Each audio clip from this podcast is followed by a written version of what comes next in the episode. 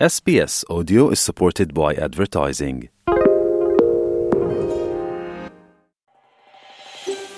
Vi ste sa SBS-om na bosanskom. Pronađite još sjajnih priča na sbs.com.au kosacrta bosnijan. Aisha, lijep pozdrav tebi i slušateljima SBS radija.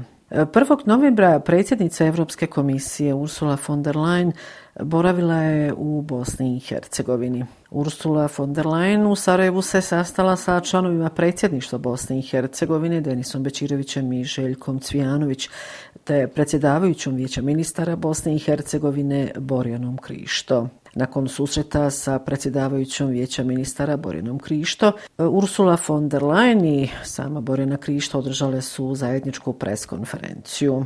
E, gospođa von der Leyen ponovo istakla podršku Evropske unije Bosne i Hercegovine i njenom putu ka evropskoj porodici, što je značajno s obzirom na to da će uskoro, dakle tačno 8. novembra, biti kompletiran izvještaj o napretku Bosne i Hercegovine. Na ovoj preskonferenciji Iša, predsjednica Evropske komisije Ursula von der Leyen istakla je da bi se sada trebala ostvariti realizacija 14 prioriteta. Ona se osvrnula i na privredu Bosne i Hercegovine i njenu modernizaciju. Ipak u centru pažnje njenog govora bilo je realizacija 14 prioriteta. Ono što je bitno jeste da je Ursula von der Leyen rekla da budućnost Bosne i Hercegovine jeste u Evropskoj uniji. U ostalom poslušajte izjavu gospođe Ursule von der Leyen.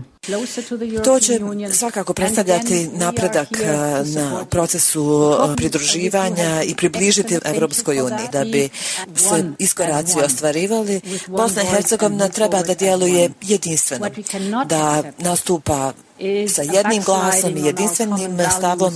Vaša privreda je otprilike na neki 35% evropskog prosjeka, znači jako puno neiskorištenog potencijala, a upravo iz tog razloga zapravo i predstavljamo novi plan rasta za Zapadni Balkan. I mislim da je ovo prava ponuda koja dolazi u pravom trenutku. Nakon obraćanja predsjednice Evropske komisije novinarima se obratila i predsjedavajuća vijeća ministara Bosne i Hercegovine Borjana Krišto. Ona je istakla da je posjeta von der Leyen značajan korak na putu Bosne i Hercegovine ka članstvu u Evropsku uniju. Evo poslušajte i Borjanu Krišto. Mislim da svi trebamo iskoristiti priliku kako u regiji, tako mi u posebno u Bosni i Hercegovini da napravimo jedan značajan iskorak temeljem ovog plana rasta koji nam se pruža na polju osiguranja kvalitetnih uvjeta za život svih stanovnika. Uvjerena sam da bi nam otvaranje pregovaračkog procesa, posebno u kontekstu geopolitičkih kretanja i situacije, doprinijelo da Bosna i Hercegovina napravi jedan nužan iskorak, da uistinu bude sigurna, stabilna i prosperitetna. A iša, bila je to jednodnevna radna posjeta Bosne i Hercegovini, tačnije Sarajevu,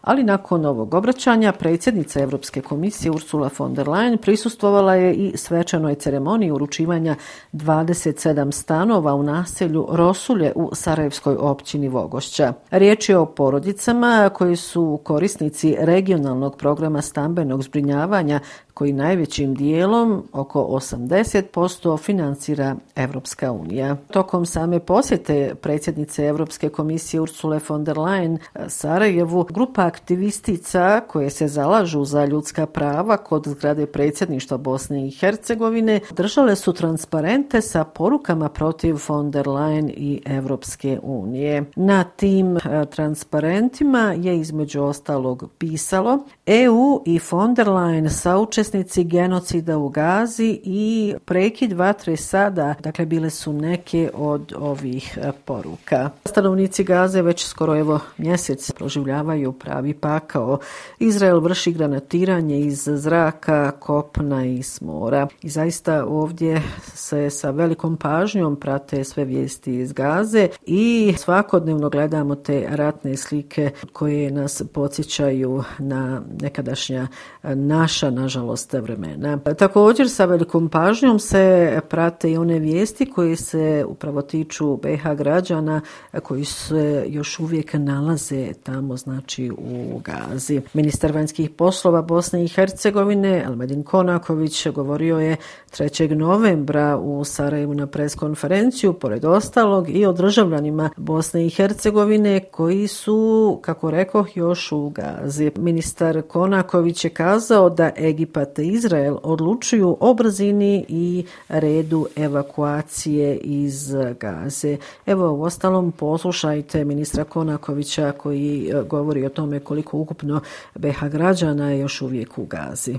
Trenutno ono što nas sve najviše zanima, imamo 54 lica u Gazi koja čekaju na evakuaciju, od toga je 19 27 zapravo državljana Bosne i Hercegovine sa svojim srodnicima. Egipat i Izrael su zemlje koje odlučuju o brzini evakuacije i redu evakuacije. Dakle, naši ambasadori zajedno sa Ministarstvom vanjskih poslova čekaju signal, čekaju znak da se dozvoli izlazak građanima Bosne i Hercegovine koje ćemo na efikasan način preuzeti i prevesti do Bosne i Hercegovine. Ako je ovo 8000 ljudi izlazi 500 dnevno u narednih nekoliko dana, bi tehnički dakle bilo, bilo realno da izađu svi ljudi ukoliko se naravno nastavi ovaj koncept da strani državljani mogu napustiti gazu. E, štrajkovi su naša svakodnevnica u ovom e, izvještaju izdvojiću e, dva štrajka.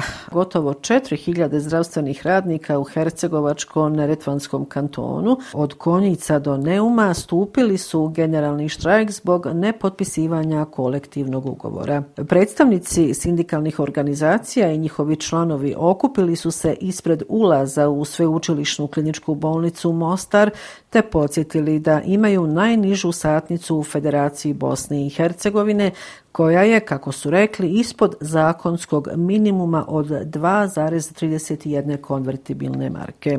Oni traže povećanje plate od 30% za dvije godine. Umeđu vremenu iz vlade Hercegovačko-Neretvanskog kantona oglasili su se kazavši da su imenovali pregovarački tim te da su spremni kroz rebalans budžeta za ovu, dakle 2023.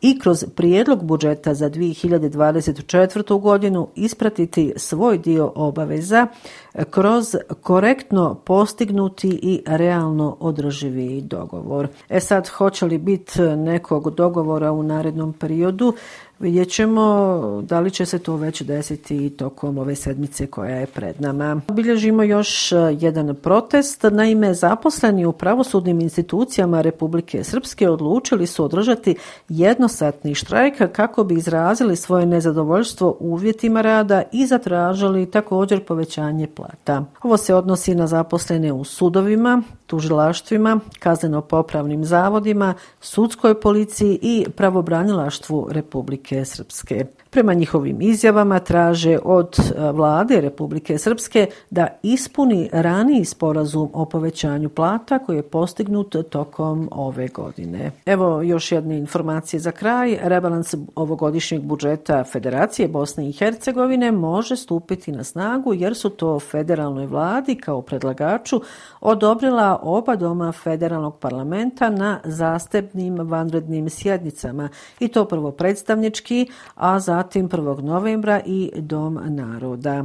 Preciznije, ponuđeni rebalans prihvatila su većinom glasova oba doma u istom tekstu, što je neophodno za operativnost najvažnijeg financijskog akta Federacije Bosne i Hercegovine. Vlada Federacije nije prihvatila ni jedan od amandmana predlaganih od članova parlamenta, pa je u konačnici ostao njen prijedlog da ovogodišnji budžet nakon rebalansa iznosi skoro 7 milijardi konvertibilnih maraka. To je 3,1% više u odnosu na dosadašnji. I eto iša, ovo je bila i posljednja informacija u ovom izvještaju iz glavnog grada Bosne i Hercegovine. Za kraj još jednom vas eh, iz Sarajeva pozdravlja Semra Duranović-Koso. SBS na bosanskom. Podijelite naše priče preko Facebooka. Želite poslušati još ovakvih priča? Slušajte preko Apple podcasta, Google podcasta, Spotify ili kako god da primate svoje podcastove.